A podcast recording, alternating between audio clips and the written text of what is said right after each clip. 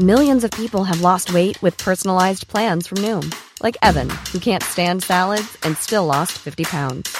Salads, generally, for most people, are the easy button, right? For me, that wasn't an option. I never really was a salad guy. That's just not who I am. But Noom worked for me. Get your personalized plan today at Noom.com. Real Noom user compensated to provide their story. In four weeks, the typical Noom user can expect to lose one to two pounds per week. Individual results may vary. Hej innebandy Sverige! Välkomna till ett nytt avsnitt av Fredrikssons innebandypodd. Det här är podden som verkligen är en innebandypodd. Det betyder i min bok att jag kan prata med vem som helst som har en eh, koppling till innebandy. Det kan vara en landslagsspelare, det kan vara en tränare, det kan vara en domare. Ja, det kan egentligen vara vad som helst. I det här avsnittet har jag med mig Johan Gide. Han är brand manager på Unihoc. Han är känd för att ha två kända bröder. Han har ju tre bröder men två av dem är kända för att de syns i TV. Niklas Ide känner ju till, eh, den gamla Pixbo AIK-spelaren. Hovshaga också. Eh, och eh, Peter Gide har ju varit en TV-profil i väldigt, väldigt många år. Och jag kommer prata med Johan om Corona, utrustningstrender, försäljning, nya avtal och mycket, mycket mera. Nu tycker jag det är stor tid att vi släpper in Johan Gide och detta avsnittet. Nu kör vi!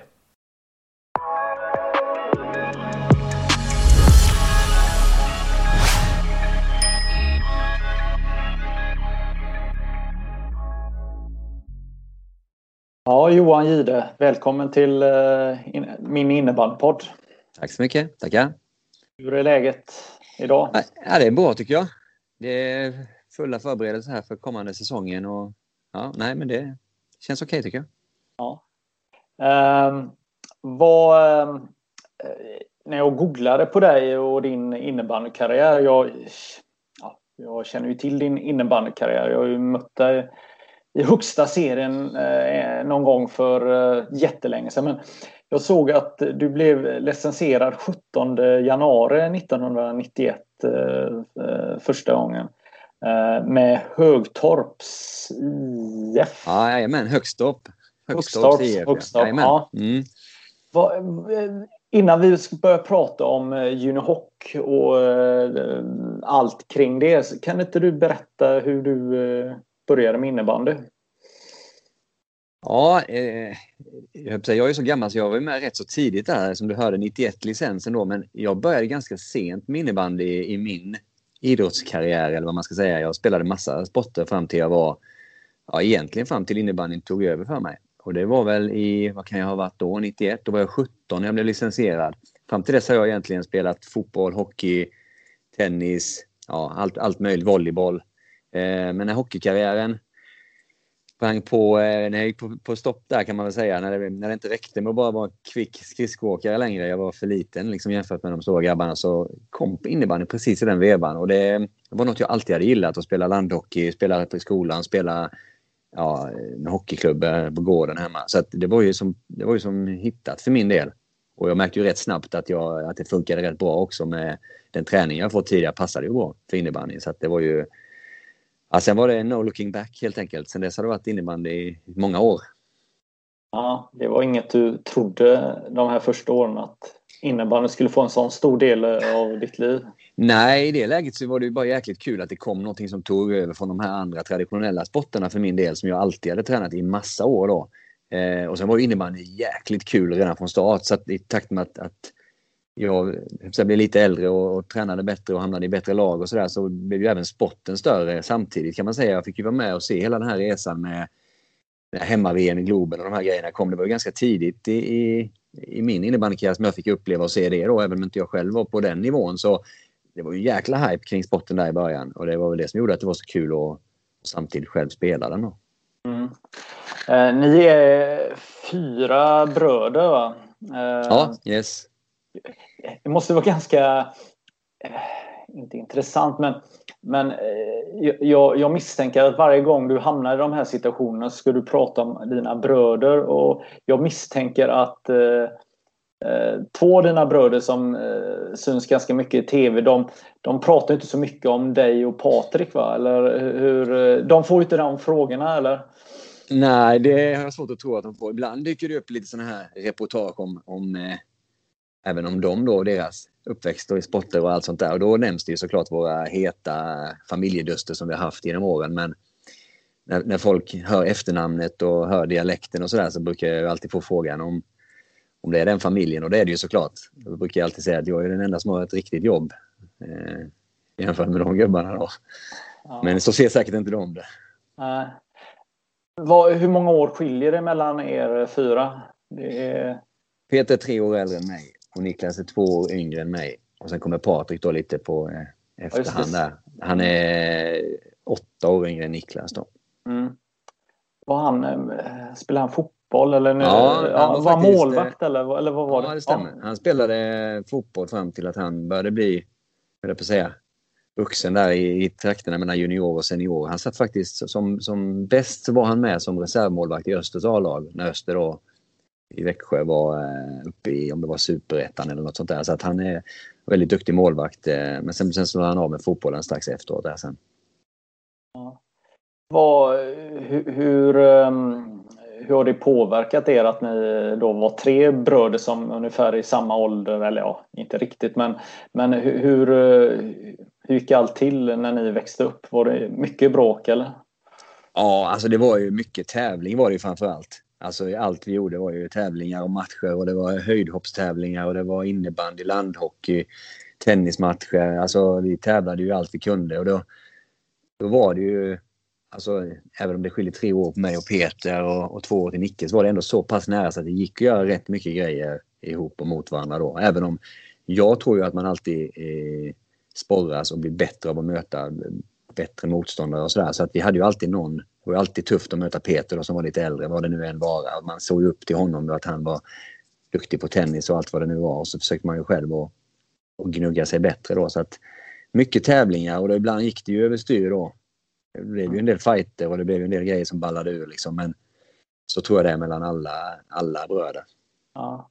Men eh, ni verkar inte ha varit så nöjda med era föräldrars val av stad eh, kan man ju lugnt konstatera. Jag menar eh, Många flyttade ganska snabbt. Eh, Ja, nej, det var väl inte så mycket med deras val och sådär. Det var snarare att, att, att, med tiden så blev de alternativen om man ville satsa på det och komma längre så att säga fanns ju på andra ställen.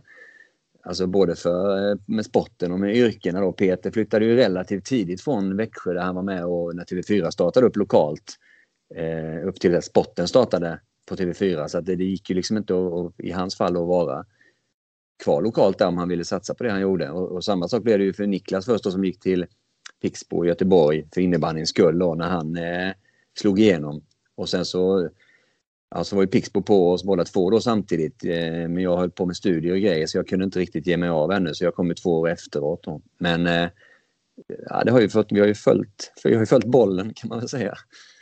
Och flyttat dit där det behövts. Ja, precis. Det blev eh, Pixbo under några år, Älvstranden och sen var du väl i Schweiz också? Eh, ja, precis. Jag var, jag var ju, först var jag väl tre år i Göteborg, Pixbo, och sen så var jag nere i Schweiz i tre år i Wieler, Ersigen och sen kom jag hem och spelade i Älvstranden ett par år innan jag var tillbaka i Pixbo igen. Innan jag hängde upp eh, klubban på hyllan. Ja, just det. Ja, vad, vad är det största minne från din spelarkarriär då? Ja, vad ska jag säga? Alltså det är ju såklart att alla de här slutspelsmatcherna både i Sverige och i, i, nere i Schweiz har ju satt sig på, på näthinnan såklart. Eh, jag, har ju, jag brukar säga, jag har ju inga guld. Jag har ju lyckats flytta iväg precis innan lagen har vunnit sina guld. Men jag har ju fem silvermedaljer så jag har ju varit i hetluften ändå. Men det är väl de grejerna som är viktigast. Alltså, och sen så tycker jag nog att det har varit jäkligt kul. Alltså när man är, när man är familj och så här. Vi spelat mycket med varandra, både Nick och jag och mot varandra för den delen. Det har varit väldigt kul att vara nära hans karriär också. Jag menar, de här Sveriges olika VM-guld innebandy har varit stora upplevelser för min del med. Eh, så att man har liksom kunnat glädjas på båda fronterna då. Det är klart att det var inte så jäkla kul när, eh, när han med AIK slog oss i Pixbo och tog guldet. Det, det guldet kanske inte var så kul att ge till honom, men de andra har varit roliga att följa. Ja. Vad, eh, spelar du någonting ihop med Niklas i Pixbo? Jag kommer inte ihåg riktigt. Ja, ibland gjorde jag det. Jag var ju, kan man säga, jag var väl den typen av spelare som låg och pendlade mellan andra femman och tredje femman sådär kanske man kan säga i, i, i alla fall när jag spelade i Pixbo då. Sen hände det väl titt som tätt att man fick göra gästspel i första femman också. Jag hade en, en någon säsong, någon halvsäsong där när jag spelade med Niklas och Anders Hellgård i samma kedjeformation då. Eh, och det var ju jäkligt kul. Vi gjorde vi, alltså det var ju, vi spelade ju tillsammans i, i Hovshaga i Växjö också innan dess. Så att vi, den sessionen där i Pixbo, eller den perioden var ju väldigt rolig då såklart. Ja, just det. Um, för 15 år sedan så började du jobba på Unihoc. Var, var det en naturlig steg att gå eller vad, hur ser du på det? Ja, när man ser på det så här i efterhand så känns det ju väldigt naturligt. Alltså jag har ju, att kunna jobba med någonting inom sporten har ju alltid varit... Eh, det ligger ju så nära till hands för min del. Allt idrott är det stora intresset. Och när det här dök upp då och passade mig då bra med mina, både min utbildning och med mina kunskaper där jag jobbat tidigare så, så var det liksom en bra match. Och nu har ju det varit tydligt att det, att det har fungerat. Jag har ju varit här ganska länge nu. Mm. Brand manager för Unihoc är din titel idag. Kan du berätta vad är det? Ja, det är ju en liten mix kan man väl säga. Alltså framförallt så jobbar jag ju utifrån eh, produktsortiment och tar fram alla grejerna vi, vi lanserar och, och säljer. Eh, och marknadsför dem då. Alltså det är egentligen de två bitarna som blir det här brand manager-jobbet. Så att varumärket för Unihoc är väl det jag jobbar med dagligen i form av produkter och marknadsföring kan man säga. Mm. Vad är styrkan med Unihoc och varumärket? Jag tror man kan säga att, att Ja, det är, ju, det är ju bra grejer såklart och det är ju väldigt välkänt varumärke. Innebandy är ju en svensk sport och hockey är ju det äldsta varumärket. Det startades ju mer eller mindre samtidigt som sporten lanserades av samma personer också mer eller mindre kan man säga med Karl-Åke Ahlqvist i spetsen då. Det har ju gjort att många av min generation som, som är den typ första innebandygenerationen har ju vuxit upp mer eller mindre med Unihoc. Det var ju ett av de få varumärkena som fanns tidigt och i och med att det har fortsatt växa sig starkt genom alla de här åren så är det något som dyker upp tidigt tror jag på näthinnan eh, hos folk som, som sysslar med innebandy. Det är ett svenskt märke så internationellt då liksom sätter du även Sverige på kartan.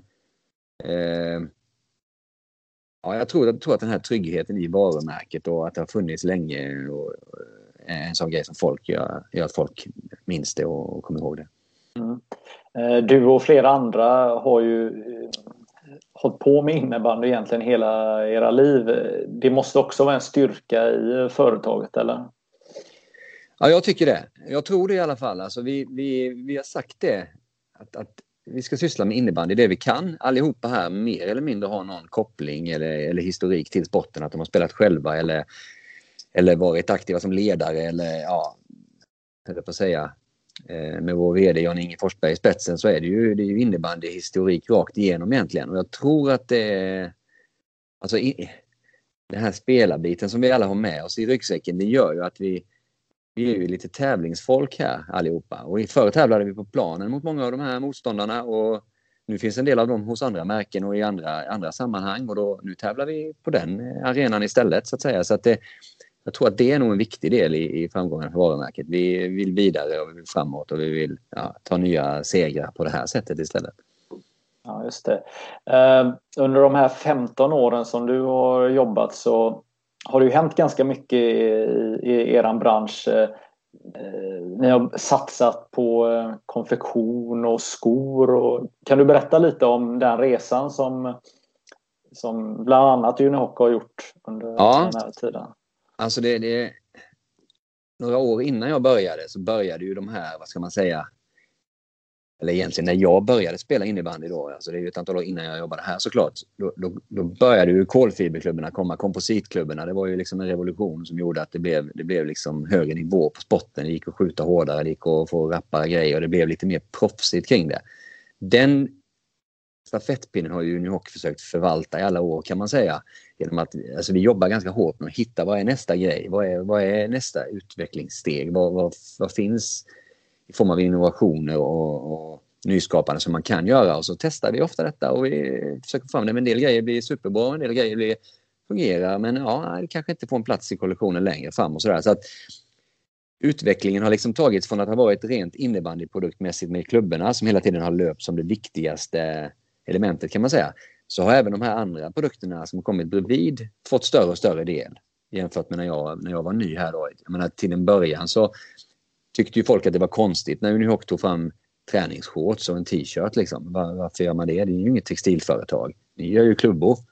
Men sen insåg man ju att ah, fasen, det, innebandyspelare är ganska stolta över sin sport och då spelar man gärna med innebandyvarumärken som sina grejer. Det märkte vi ju tidigt då att ja, men de här lagen som spelar med våra klubbor de vill gärna ha våra tröjor och shorts också. Och sen har det liksom fortsatt eh, den snöbollen kan man säga. Att, eh, sen blev det overaller, sen blev det och lite off-court-tröjor, det blev lite huddar, det blev, ja, man la till grejer. Så att, det är klart att målvaktsutrustningen var ju också tidigt och den har också varit viktig för Unihocs del, alltså de här innebandyspecifika produkterna. Men övriga produkter som, som man kan köpa från lite mer globala varumärken, de har mer och mer hamnat in på innebandyvarumärkena.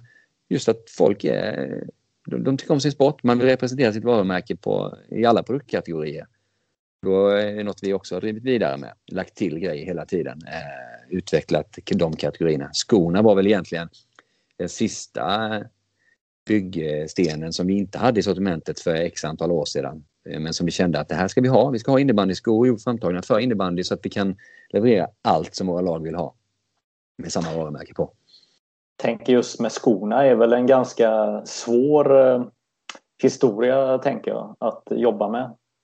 Ja, skor är väldigt svårt. Alltså det är ju svårt även för de, de, de större globala varumärkena. Nu har ju de ofantligt mycket mer eh, omfattning än vad vi har. Men för oss så är det ju en produkt som, som vi har fått lära oss om från början och vi har fått sätta oss in i. Vi får jobba med Alltså man får ju såklart ta hjälp av specialister på de här olika kategorierna för att lyckas med, med det man ska ta fram och det har vi ju, har vi ju lyssnat noga på. Men i takt med att vi har hållit på med det och utvecklat det varje år så känner vi att eh, ett litet steg i rätt riktning hela tiden och nu har vi en riktigt fin skokollektion och våra lag eh, spelar liksom med Unihoc från, från topp till tå. Så att det, det, har varit det är svårt precis som du säger men det har varit väldigt roligt också för det är ju en, en produktkategori som folk nästan höjer lite på ögonen. Okej, okay, ni gör dojor med, ja det måste vara intressant och så vidare och så tar man den diskussionen vidare. Det, det har varit kul. Och, mm. eh, jag tänker ehm, när man själv eh, spelar på elitnivå och blir sponsrad av de här större eh, märkena så slänger de ju skor på en eh, lite till höger och vänster och ja, testa de här, testa de här och, och just innebandy med start, stopp, vridningar och sånt det ställer väl ganska höga krav tänker jag på skorna. Ja, ja definitivt gör det och det är ju, det är ju en av de produktgrupperna rent generellt inom sport oavsett vilken sport man sysslar med som som har mest slitage och mest eh, wear and tear så att säga. De, de, eh, de måste tåla tillräckligt mycket för att kunna för att funka för den sporten de sysslar med. Så att vi, vi jobbar ju väldigt nära ihop med de lagen vi samarbetar med. Alltså våra, våra samarbetsföreningar, sponsrade föreningar om man så säger. Det är inte bara för att vi vill att grejerna ska synas och vi ska, ska marknadsföra dem. Det är ju även för att vi vill ha deras hjälp och know-how om vad behövs för en målvaktssko? Vad behövs för den här typen av doja? Vi vill ha en lättviktssko, vi vill ha en lite mer stabil sko vad saknar vi i, i, rangen så att säga. Så att, nej, det, är, det är mycket research och det är mycket testande och sådär innan man lanserar en doja på marknaden. Mm. Tänker målvaktsutrustningen har ju också utvecklats eh, mycket. Eh, förr stod man ju vanliga gympaskor. Nu eh, är det specialskor och eh, ja, den övriga utrustningen har väl också utvecklats, eller hur? Ja, definitivt. definitivt. Och där var ju även historiskt sett var ju Unihoc eh, har drivit lite grann den här bollen i början när det inte fanns så mycket målvaktsgrejer. Jag menar i, början, i sportens begynnelse så spelade man ju med eh, de skydd man hittade höll jag på att säga. Det var ju alltifrån hockeygrejer och axelskydd och sådana knäskydd tills det började tas fram specifika produkter just för innebandy. Jag vet eh, Unihoc lanserade, för, innan jag började här, men att ha ett skal då, att ha en målvaktströja som inte har värderingen i sig utan att man ska ha andra skydd under och en tröja över. Det var ju revolutionerande på sin tid och nu är det ju nu är det ju standard för elitmålvakter att jobba på det sättet. Sen jobbar man då istället kanske ännu mer med att ha olika varianter på skydden under nu. Kortärmade, långärmade, värdering på ett eller annat sätt, olika typer av värdering. Eh, ja, det, det, det, det, utvecklingen går framåt hela tiden med de här bitarna men det, det är svårt med målvakt Eh, både för att det är komplicerade produkter och att målvakter är ganska individuella hur de vill ha sina saker.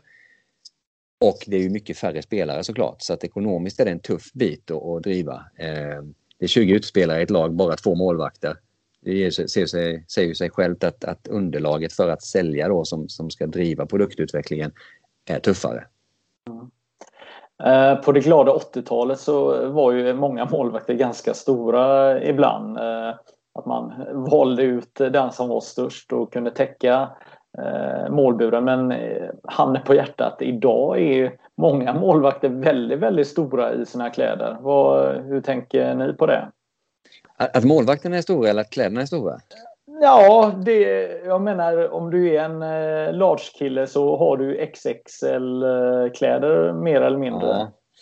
Målvakter, många målvakter, inte alla ska jag, säga, ska jag säga för de är väldigt individuella som sagt, eh, tycker om att ha rätt så luftiga kläder just för att kunna röra sig bra i det och känna sig stora. Det är också en mental grej det där vad man, man vill känna att man täcker av ytan väldigt, väldigt bra. Det är inte nödvändigt så att alla målvakter innebandy längre är de allra, allra största killarna. Det är ju oftast, eller tjejerna för den delen. Eh, det är klart att du har en liten fördel om du, om du, är, om du är stor och täcker av mycket yta, men, men ofta är de ju extremt vältränade, elitmålvakterna nu för tiden. Alltså bland de bättre tränade i laget just för att kunna utföra den svåra uppgiften de har. Och då är det alltså snabbhet och stor, storlek hör ju inte alltid ihop. Så att ibland är det små målvakter som är supersnabba och vill se sig lite större då med lite större kläder. Så att, ja, det finns alla varianter, men, men som svar på din fråga så är det väl generellt så är det ju ofta ganska stora kläder för, eh, mot vad man normalt sett har på sig. Då. Eh, det finns ingen sån diskussion. Jag menar i ishockey har man ju begränsat eh, hur stor utrustning man får ha.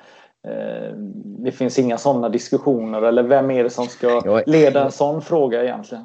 Där är jag lite dålig på, på att kunna exakt hur regelverket ser ut där. Det har ju med, med IFFs material board att göra jag tror inte att det finns några mått på ett eller annat sätt för hur det får se ut. Men jag vet ju att vid några tillfällen när, för många år sedan när det togs an målvaktsbyxor med jätte, jättestor, alltså grenen går ner väldigt, väldigt långt liksom, utan att det finns någon, någon poäng med det. Då, då vet jag att de har haft uppe det för diskussion att du kan ju inte bara liksom täcka av, du kan ju inte ha en, en, en Batman-dräkt som täcker här under. Liksom, det blir ju inte regelmässigt korrekt. Så det måste ju vara hyfsat normalt ut, utförda kläder. Sen så kan man ju ha stora kläder på sig, det är inget som hindrar. Men det, finns, det finns någon form av, av eh, reglering där men jag vet inte exakt hur de mäter och så.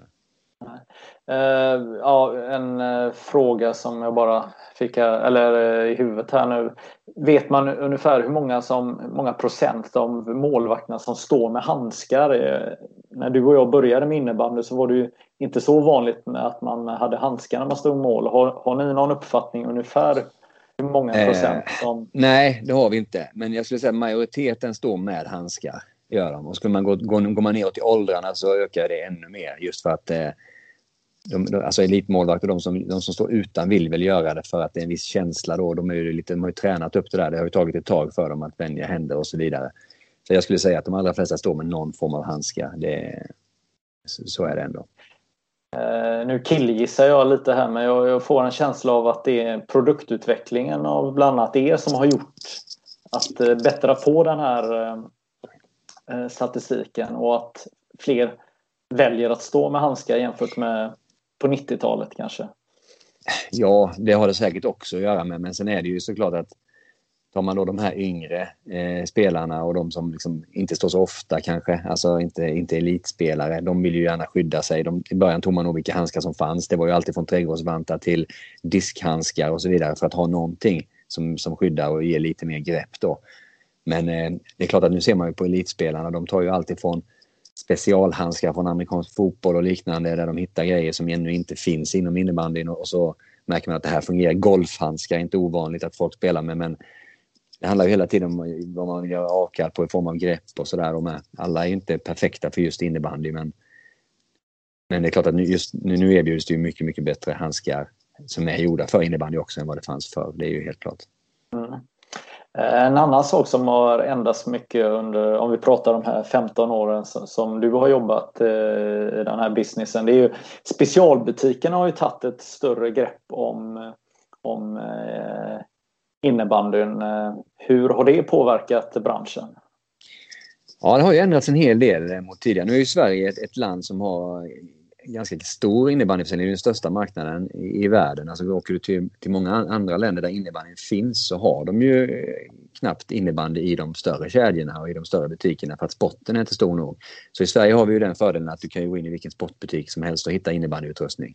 Det är ju en liten lyx som inte, höll på säga, svenskarna ens tänker på att man, att man har då. Men i takt med att sporten blev större och större och det blev mer specialiserade produkter och intresset då av de som verkligen är bitna blev större så ändrades ju även det här eh, sättet att sälja då kan man väl säga. Specialisterna tog ju eh, en taktpinne i form av att de vill kunna erbjuda hela sortimenten. De vill ha alla specialklubborna, De vill ha den, den värsta, den dyraste, den mest eh, udda klubban eller vad man ska säga.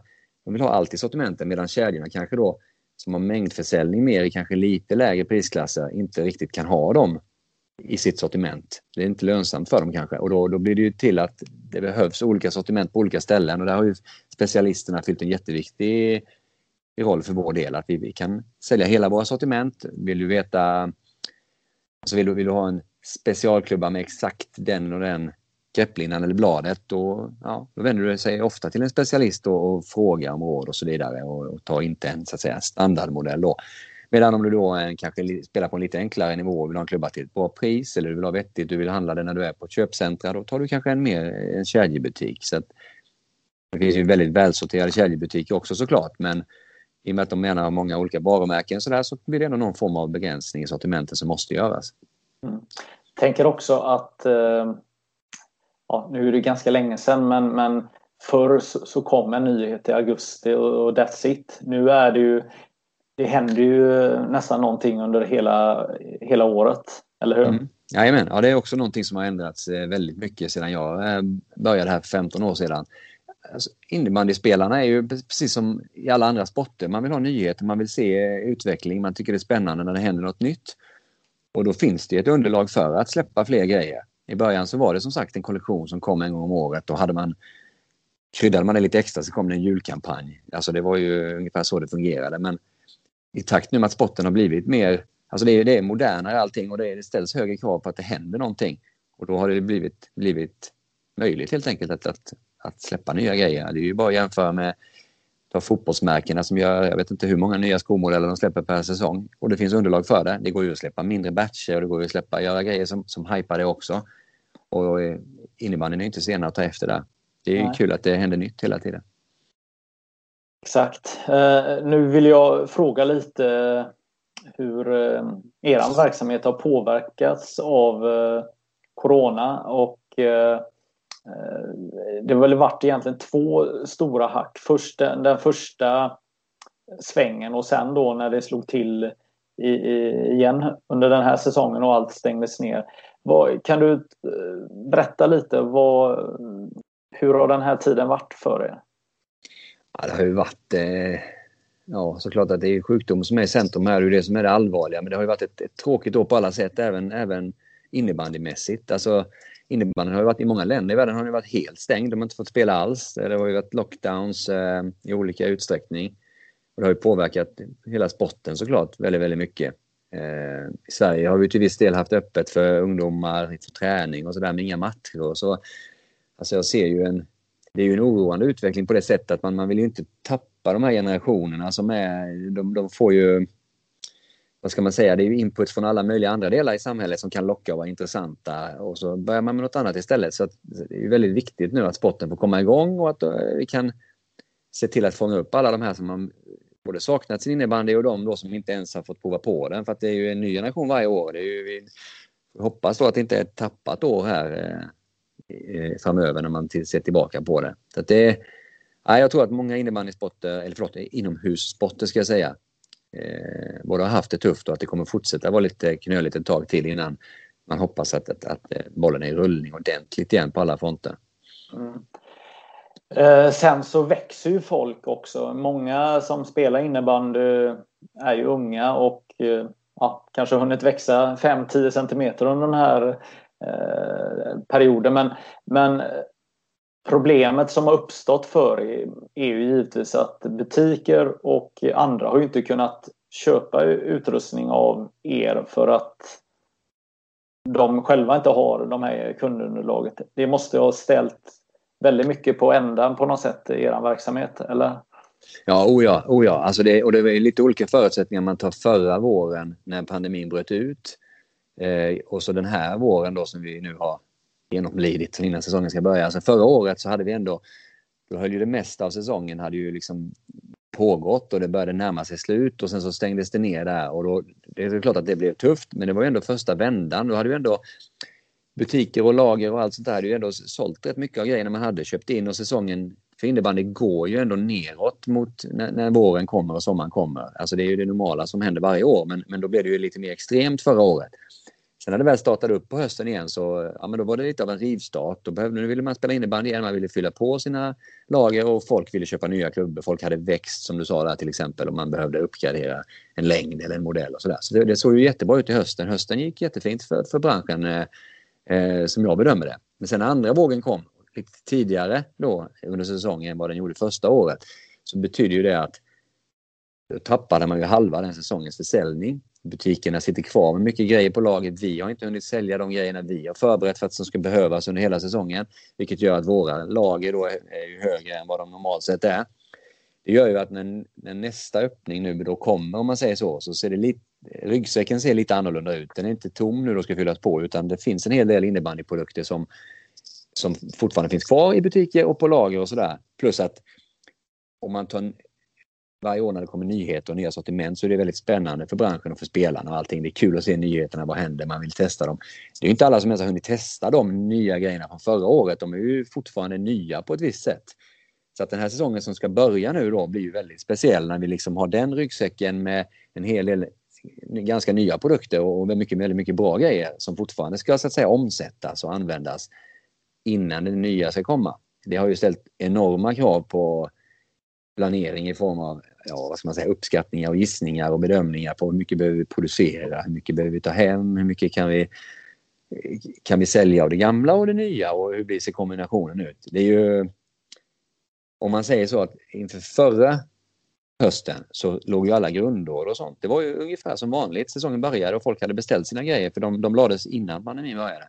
Men i år då har ju det är väldigt, väldigt mycket mindre grundorder i år generellt och det tror jag gäller alla branscher. Mm. Folk vill inte chansa. Man vet inte om det kommer fler våg, eh, en fjärde våg och hur det ser ut i hösten. Hur många länder får lov att öppna? Det kanske är problem på andra ställen i världen där de spelar innebandy som inte är öppet och påverkar det totalen. Det gör att folk är mycket mer försiktiga nu då. Nu är det lite positiva vindar igen med takt med att vi ser att restriktioner hävs så att man får börja träna och lagen får börja köra. Det kommer positiva signaler från flera länder och det, det ser ju lovande ut men vi har ju fortfarande den där ryggsäcken att, att ta hand om. Så att det kommer bli en väldigt speciell säsong tror jag. Eh, säkert mer speciell än vad, än vad förra säsongen var eh, om jag får bedöma det. Mm.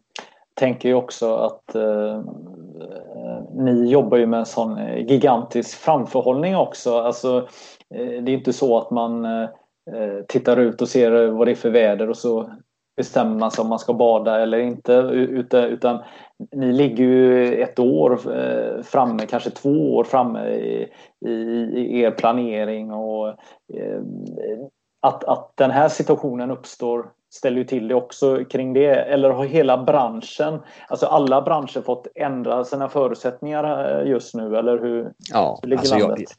Jag, ja, du har ju helt rätt i det. Jag, eh, det, ska, det ska bli de, de kommande, jag vet inte hur många år jag ska säga, men de kommande säsongerna och åren kommer ju att bli speglas kommer, kommer ju, det som har hänt kommer att speglas väldigt mycket där i och det, det, ingen har ju upplevt det här tidigare. Vi vet ju inte riktigt vad det kommer att leda till.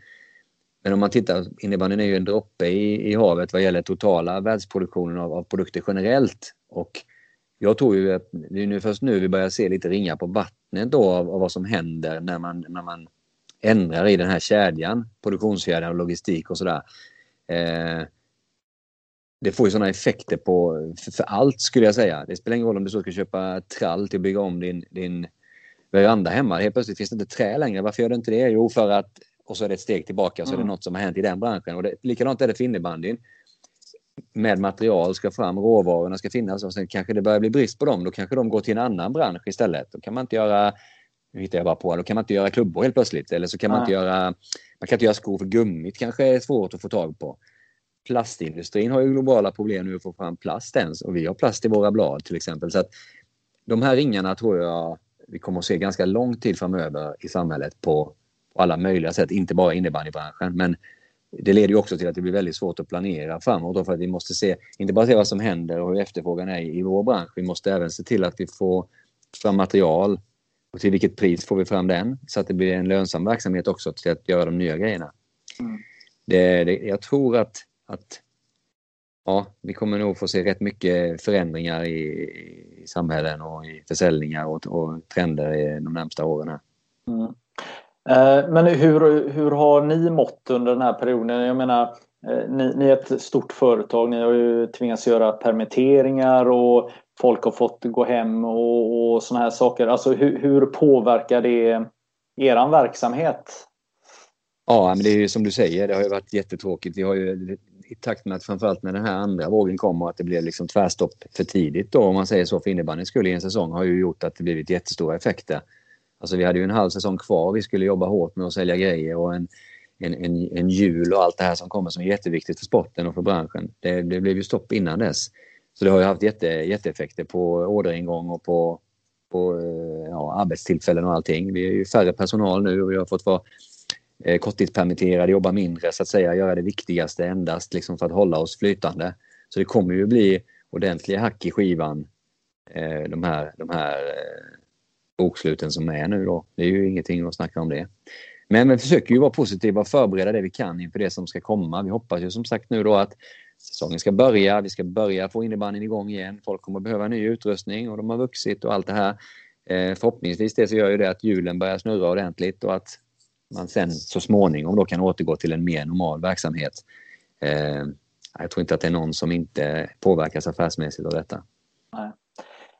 Nej, jag hade ju möjligheten att eh, spela innebandy för några veckor sedan och eh, på riktigt igen, eller med träning. Och man blev lite överraskad att fasiken, det här är ju kul. Mm. Uh, kan det komma någon effekt av att vi och tvingas mer eller mindre pausa under ett år? Alltså kan, kan man tänka att äldre får en längre karriär? Alltså det blir som en skada som gör att man Istället för att man spelar två år till, kanske spelar fem år till. Jag tänker även med ungdomar att, att man kan få en, en nytändning. Är det någonting ni tänker också att det även kan bli någonting positivt ur det här? Eller vad, vad tror ni? Ja, alltså i, slu, i slutändan så är det ju det man, man hoppas på verkligen såklart. Alltså, vi, vi har ju sett mycket de här kidsen som också fick pausa ett tag nu under detta. Alltså, det man ju, var man lite orolig. Jag är själv ledare för, för innebandylag och med, med yngre killar här. Man var lite orolig när det började dra igång igen. Hur många har vi tappat här nu liksom, som håller på med andra grejer istället? Men det var ett jäkla intresse faktiskt och de var superglada när de fick träna igen och all, i stort sett alla kom tillbaka och körde vidare. Så att, alltså, innebandyns styrka har ju i alla år varit att det är så jäkla kul att spela, precis som du säger. Och det är ganska tillgängligt. Vi har förutsättningar med hallar och sånt i alla fall i, de, i, i, i Sverige och liknande länder. Så när man väl får prova det så är det rätt lätt att gå ner till en träning och vara med igen. Det är, man, när man märker hur kul det är. Och det är ju det vi innebandyn alltid har, har levt på när vi har spridit till världen. Folk märker att det är lätt att spela, det är roligt, det är inte jättedyrt med utrustning. Och det, det är ju egentligen den, den förhoppningen vi kommer att ha nu igen framöver, att, vi, att det fortsätter där då. Sen hur långa karriärerna för de äldre blir och om det blir liksom att man bara pausat och fått läka ihop, det kan jag inte svara riktigt på. Men får man bara smak på det igen så tror jag att sportens styrka kommer att vara det som, alltså det roliga här att det är lättare att spela, kommer att vara det som, som gör att vi fortsätter växa. Det är jag övertygad om.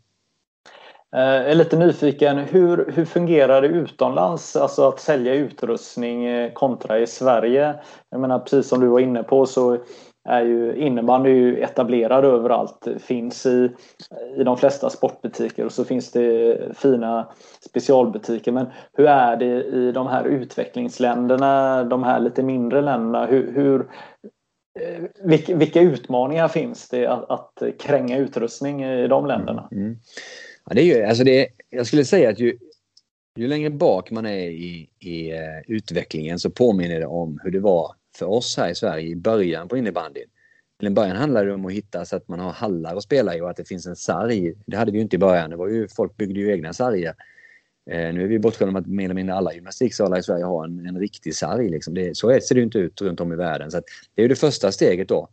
Sen att sälja utrustningen och att, att hitta förutsättningar till att distribuera den påminner det också ganska mycket om hur det gjorde här i början. Det är eldsjälar som gillar sporten som ser till att de får tag på ett gäng klubbor och sprider det. Ofta börjar det på skolor och universitet eh, där det finns underlag för de som vill spela och träna. Och så märker man att det är kul och då kanske man startar ett förbund i landet. Och när förbundet finns då så, ah, okej, okay, men då behöver vi lite föreningar och sen är det starka personer där då som ja, driver det hela. Så, det, så ser det ut i början och sen ju längre det kommer Eh, i utvecklingen, då, då, följer de här stegen vi gjorde här. Alltså det blir distrikt och det blir, det blir seriespel. Det finns ju inte på alla ställen. Ibland är det bara kupper som man drar samman till. Eh, inomhus, utomhus. Alltså det är många gånger när man har spelat i, i de varmare länderna så spelar man utomhus på betong och liknande. Alltså det är ju, det är ju helt skilda förutsättningar. Men det som, ska man säga, det som knyter allt det här samman, som är den gemensamma nämnaren, det är ju att det är lika kul att spela sporten oavsett var man är. Det är ju det som gör att folk fastnar för det. Vi kan tycka att det ser lite skoj ut ibland när vi ser bilder från att de har ett afrikanskt mästerskap och det liksom ser ju inte alls ut som det gjorde när vi eh, spelade här i början. Men glädjen är densamma och, och sportens roliga kärna, det är ju den som gör att innebandyn är vad den är. Och den, den är likadan överallt. Och så länge den får gnista då någonstans och börja ta fart, då, då, då växer sporten och till slut så kommer man, inte dit där vi är ännu, men man, man kommer en bit på vägen. Mm. Ja, men alltså, den här internationella utvecklingen är ju viktig för innebandyn att, att växa. Och, eh, när jag minns tillbaka, vi, vi, säger 20 år tillbaka i tiden och, och man pratade med någon som representerade Unihoc i något annat land, eh, vi säger Tyskland eh, som exempel. Då var man ju väldigt beroende av att komma in i den och den butiken, att flytta undan några tennisrack och få in eh, i alla fall innebandy på, no på någon centimeter i. Är, är man, li man kanske inte är lika beroende av det idag nu när internet har eh, blivit eh, en stor del av eh, hur man handlar idag eller? Ja, alltså det är klart att internet gör att man kan nå mycket, mycket fler spelare. Men till en början så måste de ju ha utrustning att testa och komma så långt så att man vet vad man ska köpa från internet och så vidare. Så att butikerna har alltid en viktig roll och ofta är de ju knutna till orter och till föreningar som så att säga har redan kommit en bit på vägen. Och då, och då, då finns det ju ett spelarunderlag på det stället eller på den orten eller den föreningen då, som gör att man, man får en plats i butikerna för att man vet att det blir en viss försäljning. Sen om man då lägger ordrarna online där eller inte, det kan väl variera lite grann. Men, men det är klart att onlineförsäljningen gör ju att det går nog många, många fler och man kan visa upp grejerna framför allt. Du kan beställa från länder som kanske inte ens har egen innebandy mer eller mindre. Men, och det fanns ju inte förr i tiden såklart. Så den, den skillnaden är ju markant. Men sen är det ju en, än så länge det är en försvinnande liten del som säljs på det sättet. Mm. Var någonstans händer det positiva saker ute i världen då, tänker ni? Jag skulle säga att eh, Alltså, ofta är det ju de här länderna som har ett intresse för spel med klubbor och boll och så vidare som, som eh, nappar först. Och det ser man ju på alla de här hockeyländerna om man säger så. De har ju kommit ganska långt på vägen. Det är ju Sverige, Finland, Schweiz, Tjeckien som är de som har kommit eh, längst på vägen. Och så det är ju länder som har det intresset och man märker att fasen det här är mer tillgängligt än, än ishockeyn. Det är mm, billigare utrustning, det går att spela den både inomhus och utomhus, det går att latcha liksom utan att man har en is och sådär. Så, så de stegen håller på att tas hela tiden. Vi ser ju på Kanada och USA har börjat rycka liv i det mer och mer, även om de är väldigt, väldigt stora, vad ska man säga, eh, geografiska ytor som ska täckas. Men då blir det ofta att regionalt, att det börjar på ett eller annat sätt. Så att, så att det, bollen är i rullning och, och, så länge det kan fortsätta så, så tror jag att IFFs arbete också med att sprida till de här länderna och jobba med det, det, det, det bär frukt. Och det, vi hade väl såklart, jag har varit med i det här ganska länge också, vi hade ju såklart hoppats att det skulle gå fortare liksom, för sporten att få fäste och sådär. Men, men nej, man får jobba på. Mm. Och, så, och så blir det små steg i taget. Den är på, på rätt spår helt klart. Mm. Eh, hur ser ni på Unihoc eh, vad som händer i Sverige? Vi, vi har ju väldigt många yngre som spelar eh, innebandy idag. Eh, lite färre äldre. Alltså man, man slutar i lite större utsträckning. Det måste vara ett bekymmer för er eller hur ser ni på det? Ja, det är väl klart att det är. Eh, jag försöker, jag försöker alltid vara positiv och se och, och tro på den här sporten då, men någonstans så är ju de yngre, det är ju ändå alltså, så kärnan eller vad ska man säga, det är ju ändå alltså att de yngre börjar är ju, det är ju, måste ju ske för att de äldre ska, alltså de yngre blir ju äldre till slut om man, om man förklarar det på det sättet då.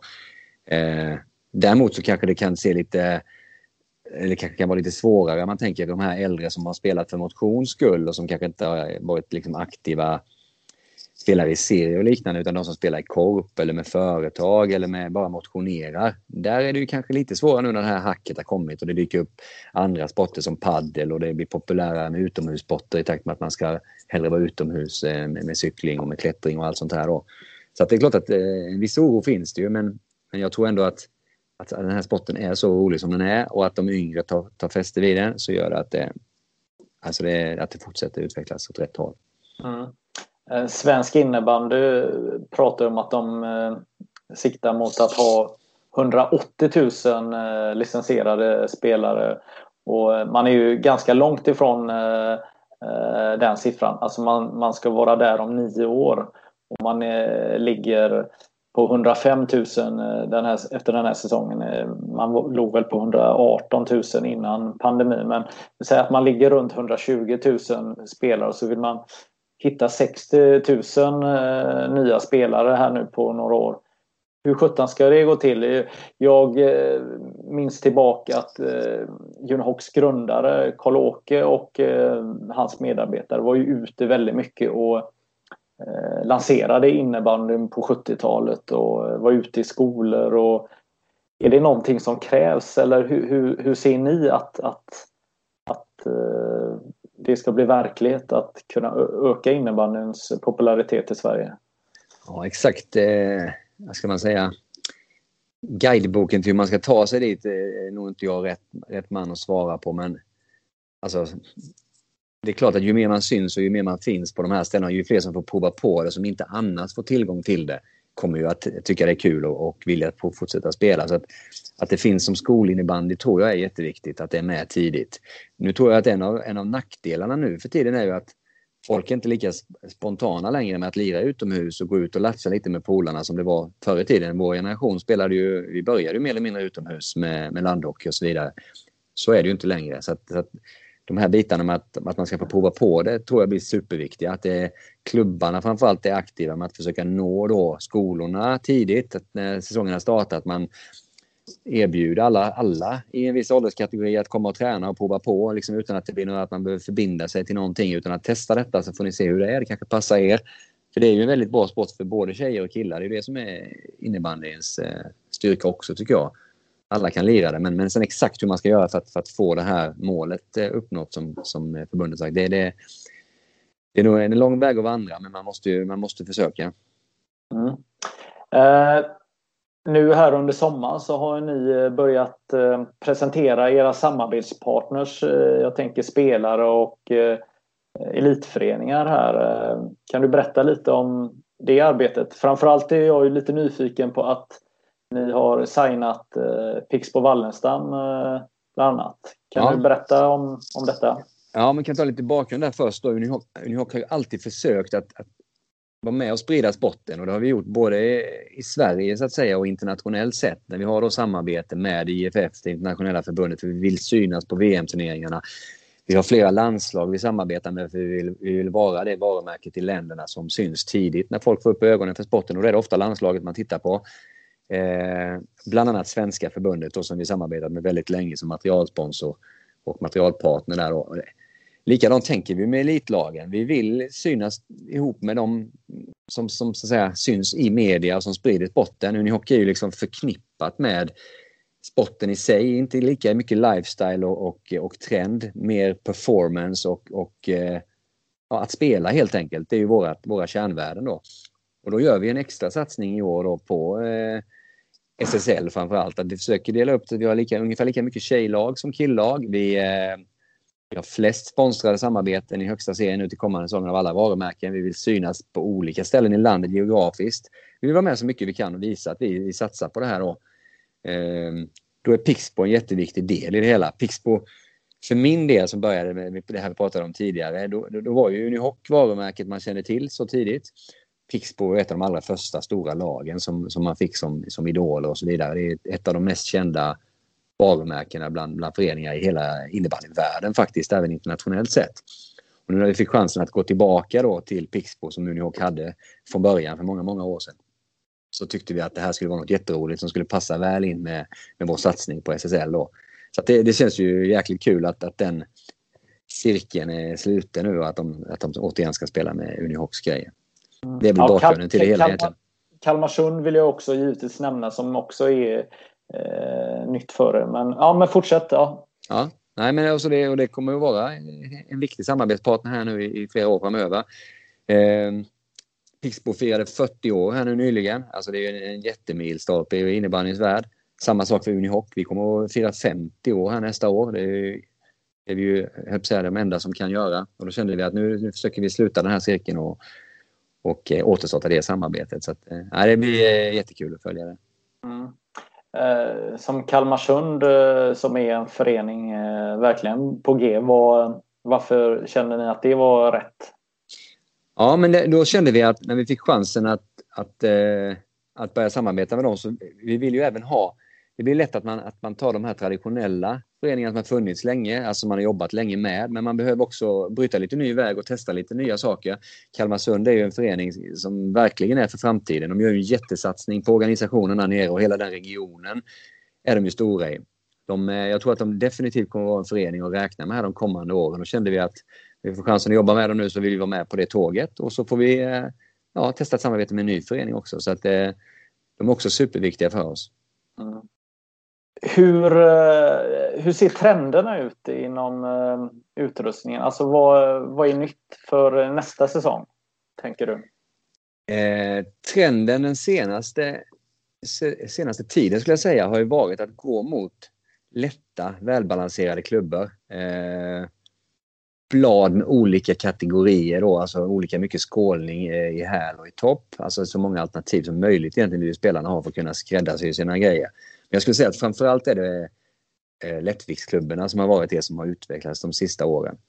Unihockey har alltid jobbat ganska mycket med moldade skaft, alltså formblåsta skaft som har en viss, en viss form i, i, ja, i skaftets böjar och liknande. Bambuskaftet, curveskaftet, hockeyform och sådana här saker. Då. Det, det, har vi fortfarande kvar, en hel del sådana grejer.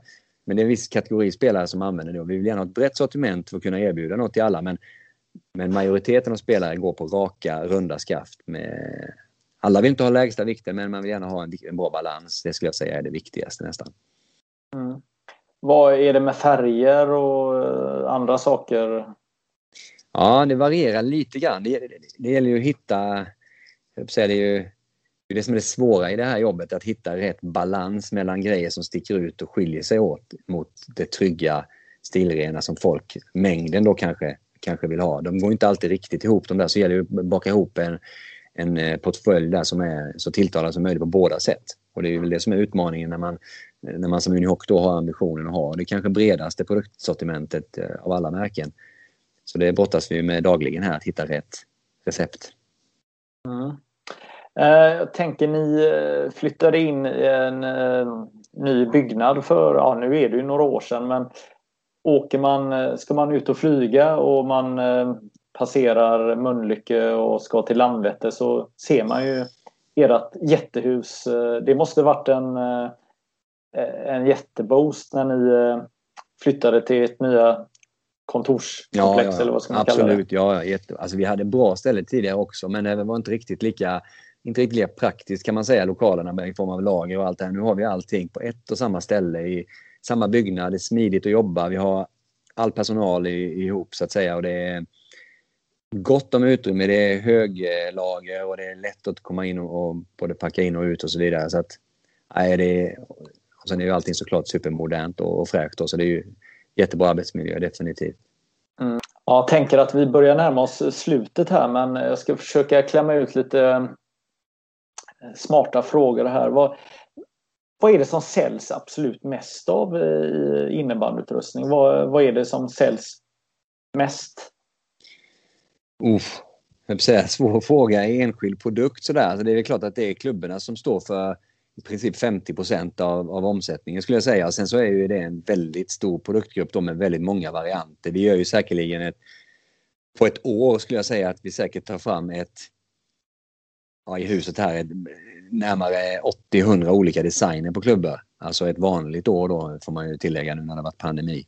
Så det är väldigt, väldigt mycket olika klubbvarianter och den enskilda att plocka fram är väl kanske svårt att säga då. Tanke på att vi, vi sätter stolthet i att ha många olika men klubbarna leder väl skulle jag säga. Sen är det klart att glasögon är väldigt viktigt. Alltså reglerna har ju tillkommit här nu mer och mer att, att man ska ha glasögon upp i, i åldrar vilket är väldigt bra för dumt att riskera synen då. Eh, borde ju egentligen vara så för vuxna spelare med kan man tycka även om det är svårt att lära en, en gammal hund att sitta då. Men, men den trenden ser man i alla länder egentligen att de lägger till regelverk som gör att, att man fler och fler upp i åldrarna måste ha glasögon. Och det, så den är ju en ganska kraftig försäljning på. Ser, ser, du, ser du någon, någon regelfråga som skulle kunna ändras som skulle kunna öppna upp nya eh, saker att sälja eller, eller förändra någonting i själva utrustningen? Ja, jag vet inte om det kommer komma någon sån regelförändring nu inom, inom det närmsta, men något som skulle kunna göra att man skulle kunna få, få helt andra möjligheter att jobba med nya produkter, det är ju om regelverket till hur klubborna ser ut skulle ändras. Jag tänker det här med att hur man sätter ihop blad och skaft och så vidare, och vilka material som får användas i bladen. Så som regelverket ser ut nu så eh, det är inte jättelätt att göra stora förändringar med tanke på infästningar och så att, det, att man spelar säkert. Men vi har ju sett när hockeyn gick ifrån eh, träklubbor till eh, kolfiber och glasfiber och så vidare. Att det finns varianter på hur man sätter ihop grejerna där med. Och jag kan väl tänka mig att innebandyn så småningom skulle kunna eh, dra nytta av att hitta något sätt där man kan använda andra material i bladen till exempel. Eh, som skulle göra att det kunde bli mer styvhet och bättre fart i skotten och sådär. Men, men där är vi inte riktigt ännu. Men det, det, är väl en sån grej som är det som skulle göra störst skillnad kan jag tycka. Mm. Uh, ni har väl börjat med egen försäljning också? Alltså Unihoc säljer eh, via hemsidan eh, också eh, eran utrustning va? Eller, ja, ja du... det stämmer. Alltså när vi lanserade den nya sidan senast så gjorde vi den med funktionen att man kan köpa online av oss också. Alltså det, det är ju anledningen är ju att sortimenten som vi pratade om tidigare, de, de, det är väldigt sällan vi får ut hela våra sortiment. Alltså i Sverige får vi ut en stor del då hos specialisterna, men inte allt. Alltså alla våra grejer finns inte hos alla. Och en del spelare då som är väldigt trogna varumärken vill ju kunna köpa in till minsta pinal och då sa vi det att vi presenterar ju hela våra sortiment på våra hemsidor och ger all information som kunderna behöver. Då adderar vi funktionen att man även kan, kan beställa därifrån så, så kan man få tag på allt. Så så ser det egentligen ut då men det är ju en det är ju än så länge en väldigt liten del som säljs online på det sättet. Alltså, många gånger vänder sig kunderna till de som sitter inne med, med hela sortiment i, från flera varumärken och man vill ha olika grejer. Så att, jag tror att kombinationen här av kedjeförsäljning, specialister och online och sådär den, den, den gör att man kan få tag på väldigt mycket grejer och där är vi en liten del i det hela bara. Mm. Jag tänker försäljning i, Sverige här. Nu kommer jag med en skruvad fråga här. Men finns det något område som man kanske är lite överraskad att oj vad mycket innebandyutrustning det säljs. Och finns det något område som att ja, men där borde innebandy vara större. Det är synd att den inte är större. Vad, eh, ser ni några sådana fläckar i, i Sverige? Nej, det, så är det inte egentligen. Alltså, det är ju... Eh väldigt, väldigt riktat till där klubbarna är starka och där innebandyn är stark som sport kan man säga. Och det, och det, det är ju, det har väl blivit, alltså det finns ju, finns ju en del lantliga orter som har eh, elitlag och så vidare och där är det ju innebandyn stark på det sättet och annars är det ju de större städerna, alltså där lagen finns, där föreningarna finns, där människorna finns, det är där innebandyn säljs. Så att det ser ut ungefär som kartan gör. Mm. Så vad du säger är att för att innebandyn ska ta ytterligare steg framåt så är det de enskilda klubbarna ute i landet som behöver eh, kötta på och kriga för att få in eh, mer eh, medlemmar eller hur ser du på det? Ja, det är, jag tror att det är en viktig del att, att föreningarna, att, att man har stabila, duktiga föreningar som tar hand om framförallt ungdomar i början som gör att man tycker det är kul att börja och att det är lätt och tillgängligt. Alltså då vill man komma tillbaka, man spelar med polare, man spelar mot polare i andra lag och hela den biten blir väldigt kul med sporten. Jag tror att det är det som är kärnan i det hela. Eh, och då, är då får föreningarna dra ett, ett, stort lass helt enkelt. Så, så ser det ut. Mm. Eh, vad ser du mest fram emot eh, kommande säsong? Eh, och vi förutsätter att, eh, att vi inte får några nya överraskningar här. Vad, vad är det du ser fram emot mest? Alltså jag, jag ser nog om man ser på det stora, den stora bilden så ser jag fram emot mest att, att det ska bli kul, att det är igång igen. Liksom. Man vill se folk på väg till träningar med, med klubbfodral över axeln på bussen och så vidare. Och se att, att världen rullar igen och att innebandyn också gör det. det tror jag det vi, vi längtar efter mest egentligen. Tittar man på lite mer sportsligt då så ser jag fram emot att det ska bli kul att se hur alla våra SSL-lag kommer att göra ifrån sig kommande säsong. Eh, vi har två VM eh, som kommer, både dam och herr för första gången eftersom herrarna blev framputtat då. Eh, det har aldrig hänt tidigare så det blir väldigt, väldigt spännande att se hur det både ska lösas rent logistiskt och även hur sporterna ska, alltså om, om tänker de här fulla stora hallarna med folk igen. Det, ja, det skulle vara underbart att se. Så den biten sprider ju också sporten när man ser glädjen kring, kring sina landslag. Så det är väl egentligen de, de aspekterna jag tänker på. Då. Mm. Och jag tänker då eh, som du sa eh, 2022 så fyller Unihoc 50 år och då kanske det finns en förhoppning att eh, ja, världen har återhämtat sig och att att ni mår bra när ni eh, fyller 50? Ja, ja helt klart. Alltså, vi hoppas ju att den här säsongen ska, ska fortlöpa nu då så, så bra det går med de förutsättningar som är och att det ska börja återhämta sig så att, så att 2022 ser roligare och lättare ut kan man väl säga och mer, mer normalt då. Och då passar det väl jättebra att fira ett halvt sekel. Det är ju ganska imponerande att vi börjar bli så gamla nu, Magnus, eller mm, Ja, jo, jag eh, fyller eh, det året eh, nästa år. Så det, var, det kanske hade varit någonting att ta fram en kopia på den här första klubban som Karl-Åke sålde 72. Det kanske inte blir någon storsäljare men det har varit fräckt att göra sälja den i alla fall kanske. Vem vet vad som dyker upp 2022. Mm. Det kan jag inte berätta här och nu. Nej. Bra Johan, tack så mycket. Vad, är det någonting eh, roligt du ska göra i sommar då? Ja, det ska bli skönt att få lite ledigt här innan det drar igång. Alltså för vår del så är det ju ett vanligt år så kan man säga att när, när semestern är över så drar inte bara nästa års jobbsäsong igång för fullt utan även innebandysäsongen i hallarna. Den börjar ju samtidigt så för vår del är det alltid rakt in i väggen där, full fart. Eh, och då hoppas man verkligen att det ska bli så i år igen nu då. Eh, det är väl det jag ser fram emot, att det rullar ordentligt till hösten igen. Ja, men det låter bra. Tack så mycket Johan för att du tog dig tid att vara med. Tack själv. Tack själv. Hi, I'm Daniel, founder of Pretty Litter. Cats and cat owners deserve better than any old-fashioned litter. That's why I teamed up with scientists and veterinarians to create Pretty Litter. Its innovative crystal formula has superior odor control and weighs up to 80% less than clay litter. Pretty Litter even monitors health by changing colors to help detect early signs of potential illness. It's the world's smartest kitty litter. Go to prettylitter.com and use code ACAST for 20% off your first order and a free cat toy. Terms and conditions apply. See site for details.